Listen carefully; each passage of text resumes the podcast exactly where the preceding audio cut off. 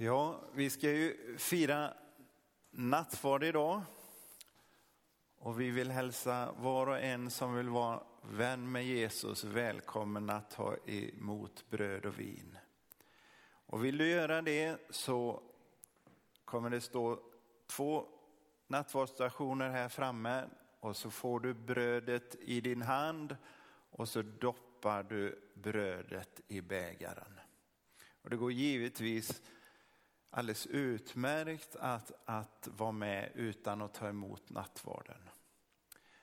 Och samtidigt som nattvarden sker så är det möjlighet att tända bönljus, skriva sin bönelapp eller få personlig förbön nere vid eh, stora fönstret på vänster sida. Och du kan göra det i den ordningen du vill. Du kan först gå och tända ett, ett bönljus och sen gå och ta emot brödet och vinet.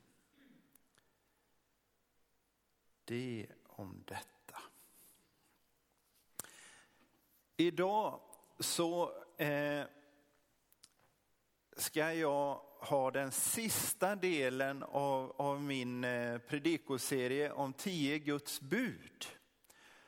Eh, och om du inte har varit med förut och är lite nyfiken på vad jag sagt innan så, så finns det mesta på hemsidan på nätet. Vi hade tekniska problem, en predikan. Det var nog den bästa. Eh, eh, så den, den eh, en är tyvärr inte med, men de andra ska vara det. Eh, så där kan du lyssna om du skulle vilja lyssna i fatt. Men du som har varit med, Kommer du ihåg vad det första budet handlar om enligt mig? Enligt den judiska ordningen, det var ju judarna som fick tio Guds bud och som också var de första kristnas ordning. Hur var det första budet? Är det någon som kommer ihåg? Du behöver inte, du behöver inte redovisa dig. Ja, ni är lite så här, så ja, ja, det är bra, ni kommer ihåg. Alltså, det var ju detta. Jag är Herren din Gud som förde dig ut ur Egypten, ut ur slavlägret. Alltså tio Guds budord börjar i nåden. Israels folk får ta emot vad någon annan har gjort, fritt och för intet. Det är Gud som har fört dem ut ur slavlägret och de får ta emot frihet. Så börjar tio Guds budord. Men varför då den här fortsättningen? Varför alla dessa du skall och du skall inte? Varför ersätta den gamla ofriheten med, med nya begränsningar? Som bestämmer vad jag får och inte får göra. Handlar det inte om samma slaveri, bara en ny herre? Tänk om det är tvärtom. Tänk om det är så att de följande budorden efter detta att Gud har fört dem ut ur slavlägret att de följande budorden är inte där för att begränsa friheten. Utan är till för att hjälpa dem och oss att fortsätta att leva i frihet.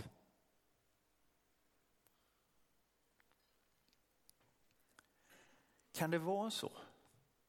Ja, vi kanske finner svaret i det, i det tionde och avslutande budordet. Det lyder så här. Du ska inte ha begär till din nästas hus. Du ska inte ha begär till din nästas hustru eller hans slav eller hans slavinna, hans oxe eller hans åsna eller något annat som tillhör din nästa. Vi kan börja med att konstatera att det tionde budet tillför ju egentligen inget nytt bud. Utan på ett sätt så sammanfattar det ju de föregående. Du ska inte dräpa, du ska inte begå äktenskapsbrott, du ska inte stjäla, du ska inte vittna falskt mot din nästa. Skillnaden är ju att det tionde budordet går djupare.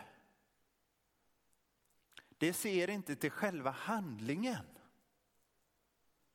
Utan det ser till handlingens orsak. Du ska inte ha begär. Ni känner till detta med orsak och verkan va?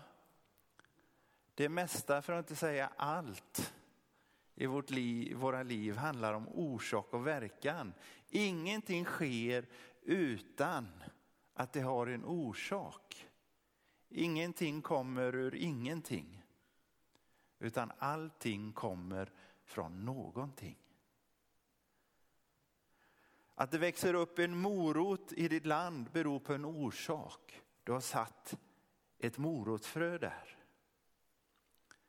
Stölden sker av en orsak. Du har ett begär efter det som inte är ditt. Och tar man bort orsaken så blir det ju ingen verkan. Inget frö, ingen morot. Är ni med? Min fru tyckte jag predikade väldigt bra förra söndagen. Du var inte så krånglig som du brukar, sa hon. Tyvärr är jag tillbaka i krångligheten nu. För nu är inte hon här.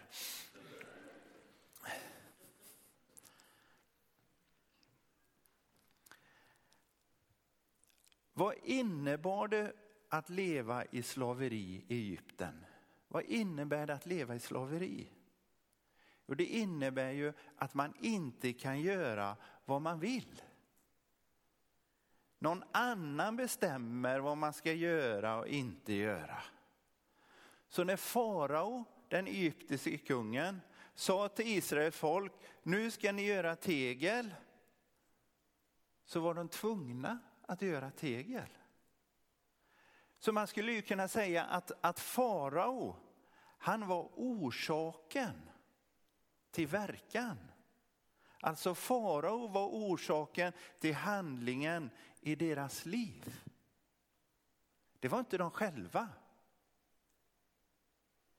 Men nu så är de befriade ur slavlägret. De är befriade från farao. Så orsaken är borta. Och därmed också verkan. Ingen farao, inget mer tegelslit. Nu bestämde de själva vad de skulle göra. Är ni med? Alltså frihet, ett sätt att definiera frihet, det är att kunna bestämma över det som orsakar handlingen. Frihet är att kunna bestämma orsaken till handlingen. Och det innebär att man kan välja. Men just det innebär också ett nytt ansvar. Det är det som det tionde budordet säger som sammanfattar de andra buden. Nu när ni har lämnat slaveriet har ni också ansvaret för orsaken till era handlingar. Frihet innebär ett nytt ansvar. Så se till att orsaken till era handlingar inte är begäret. Det budorden eller lagen om du så vill, vill peka på ett liv som har kärleken som orsak och inte begäret. Lyssna till vad Paulus säger i Romarbrevet 13. Buden, du ska inte begå äktenskapsbrott, du ska inte dräpa, du ska inte stjäla, du ska inte ha begär och alla andra bud sammanfattas ju i ordet du ska älska din nästa som dig själv. Kärleken vållar inte din nästa något ont. Kärleken är alltså lagen. i dess fullhet.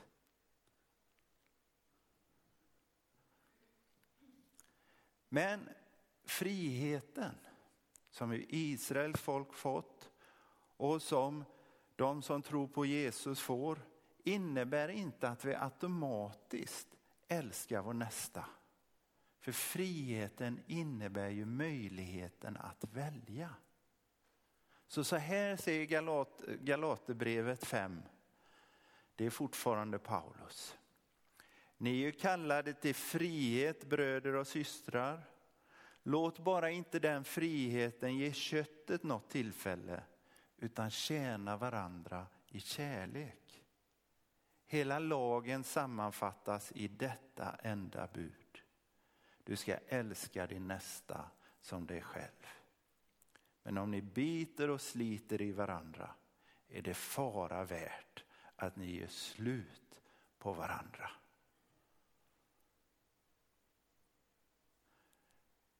Det säger han till människor som tror på Jesus. Om ni biter och sliter i varandra är det fara värt att ni gör slut på varandra. Frihet innebär ett ansvar. För Det innebär ju möjligheten att kunna välja. Ett ansvar att välja vad som ska vara orsak, vad som ska vara styrande i ditt liv. Ska det vara kärleken som ser till sin nästa som till sig själv, som leder till handlingen? Att man tjänar varandra. Eller ska det vara köttet, begäret, som är orsak, som bara ser till sig själv och som leder till att man sliter och biter i varandra.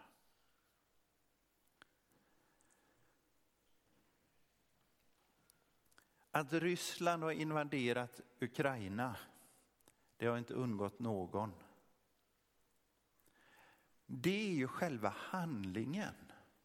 Det är verkan. Men vad är orsaken? Jag skulle vilja säga att orsaken är att Putin och flera med honom, hur många kan diskuteras, men att Putin och flera med honom begär, har begär efter det som inte hör dem till. Och det leder till att de bryter mot alla buden. De mördar, de stjäl, de våldtar. Orsaken är Putins och flera med honoms maktbegär. Tänk om Putin istället hade valt vi ska tjäna varandra här i Ryssland.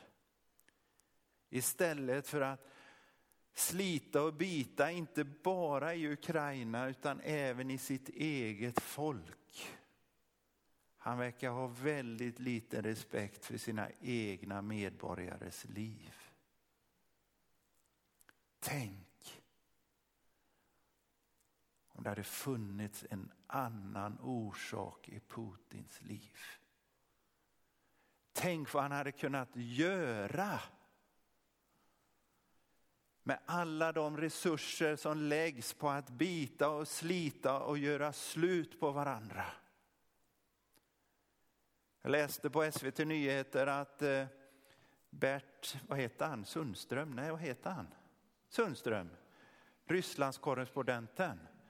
Efter 20 år så lämnar han Ryssland. Och det är ungefär den tiden Putin har varit där. Och han säger att det har bara blivit mörkare och mörkare och det kommer ta generationer för det ryska folket att få det liv de, de skulle behöva.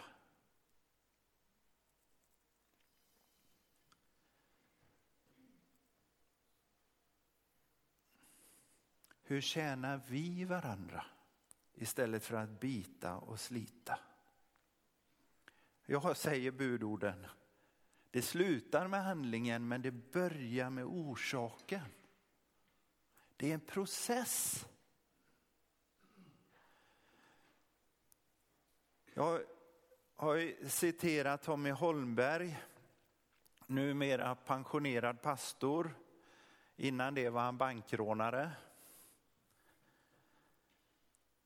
Men Tommy berättar att innan han blev bankrånare, ni hörde ordningen va? Först bankrånare, sedan pastor, inte tvärtom.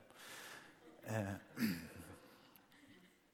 Men innan han var bankrånare så hade han levt ett fungerande liv. Men säger Tommy, man blir inte bankrånare från ena dagen till andra. Ena dagen går man till jobbet, andra dagen upptäcker man, oj nu rånar jag en bank.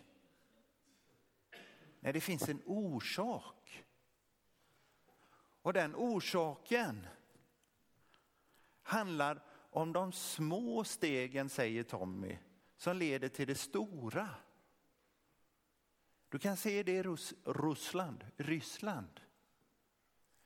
Putin har mycket medvetet genom små steg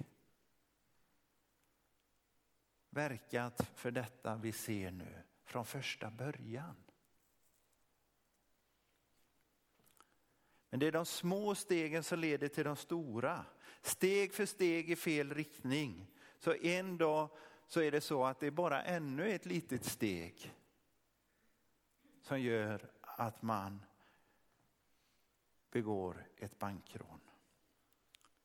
Det är det här Jakobs brev säger. När Jakob säger så här, blir, den, blir någon frestad är det alltid av sitt eget begär som han lockas och snärjs. Och när så begäret har blivit havande föder det synd och när synden är fullväxt föder den död.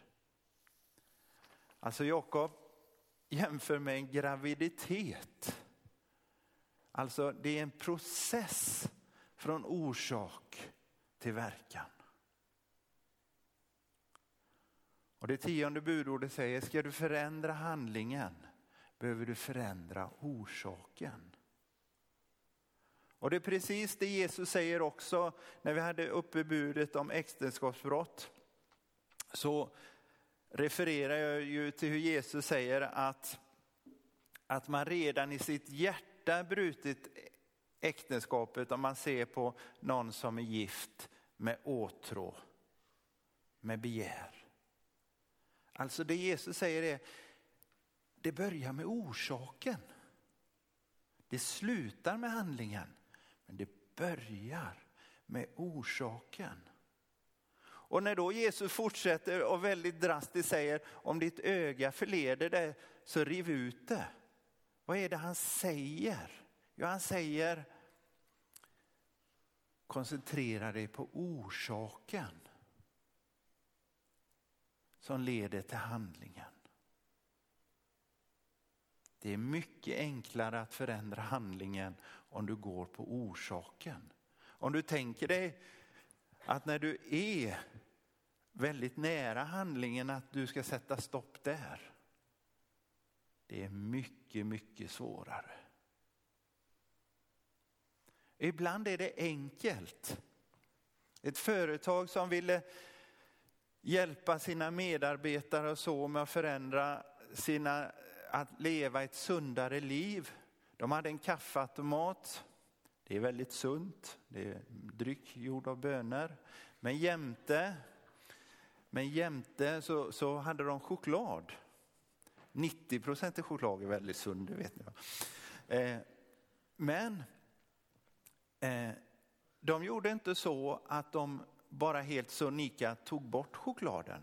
Utan istället så flyttade de den några meter bort från automaten.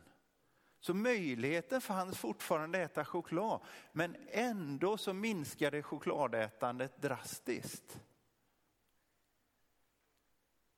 Ibland, ibland är det väldigt enkelt att förändra orsaken.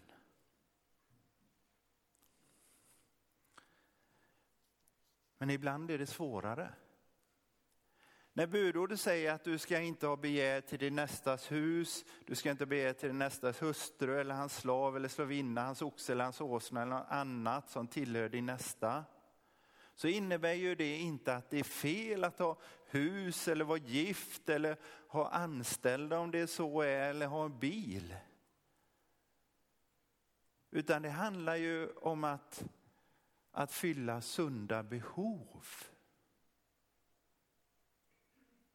Var gränsen mellan behov och begär går, det är inte alltid det enkla att svara på.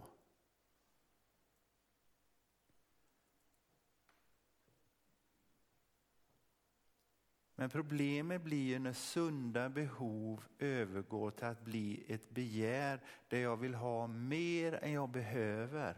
Där jag vill ha mer än, än det som är mitt.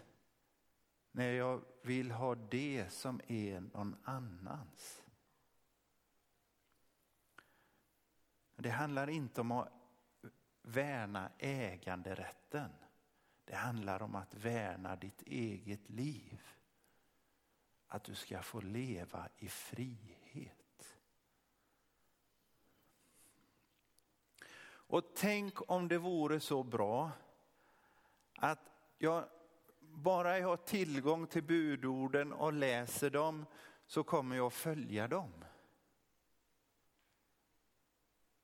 Men det vore som om, om, om jag ville till Stockholm så räckte det att jag satte mig på kartan.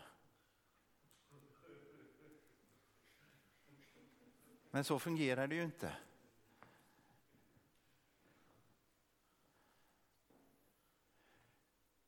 Utan kartan så hjälper det inte hur mycket kraft jag har för att bege mig till Stockholm, för jag, jag, jag hittar inte rätt. Har jag riktig otur hamnar jag i Borås.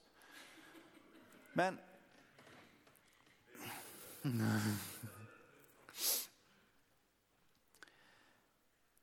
Men Även om kartan visar mig var Stockholm ligger så ge inte kartan i sig mig kraft att komma dit. Lagen, budorden visar var Stockholm ligger. Den visar liksom vad som är rätt riktning för våra liv. Men den förmår inte i sig att ge oss kraften att komma dit.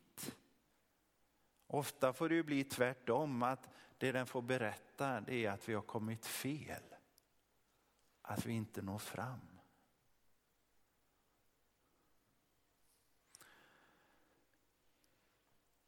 Så hur ska jag få den här kraften? Ja, budordet säger så här. Du ska inte ha andra gudar vid sidan om mig. Och Paulus han fortsätter i Galaterbrev 5 där han sa att låt inte köttet få något tillfälle. Han fortsätter så här. Nej, säger jag, låt er ande leda er så ger ni aldrig efter för köttets begär. Ingen människa är sin egen herre. Inte ens Putin har den makten, även om man tror det. Putins gud är maktbegäret. Han blir dess slav. Putin är inte fri. Han är fången.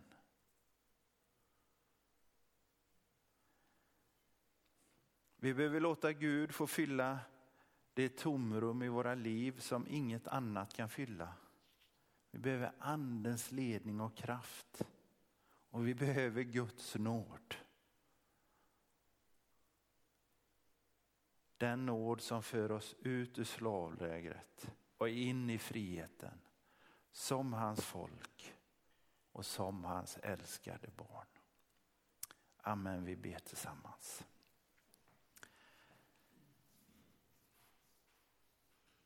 Herre, vi tackar dig att du har gett oss en karta. Du har gett oss en karta som visar oss riktningen för livet och var livet finns.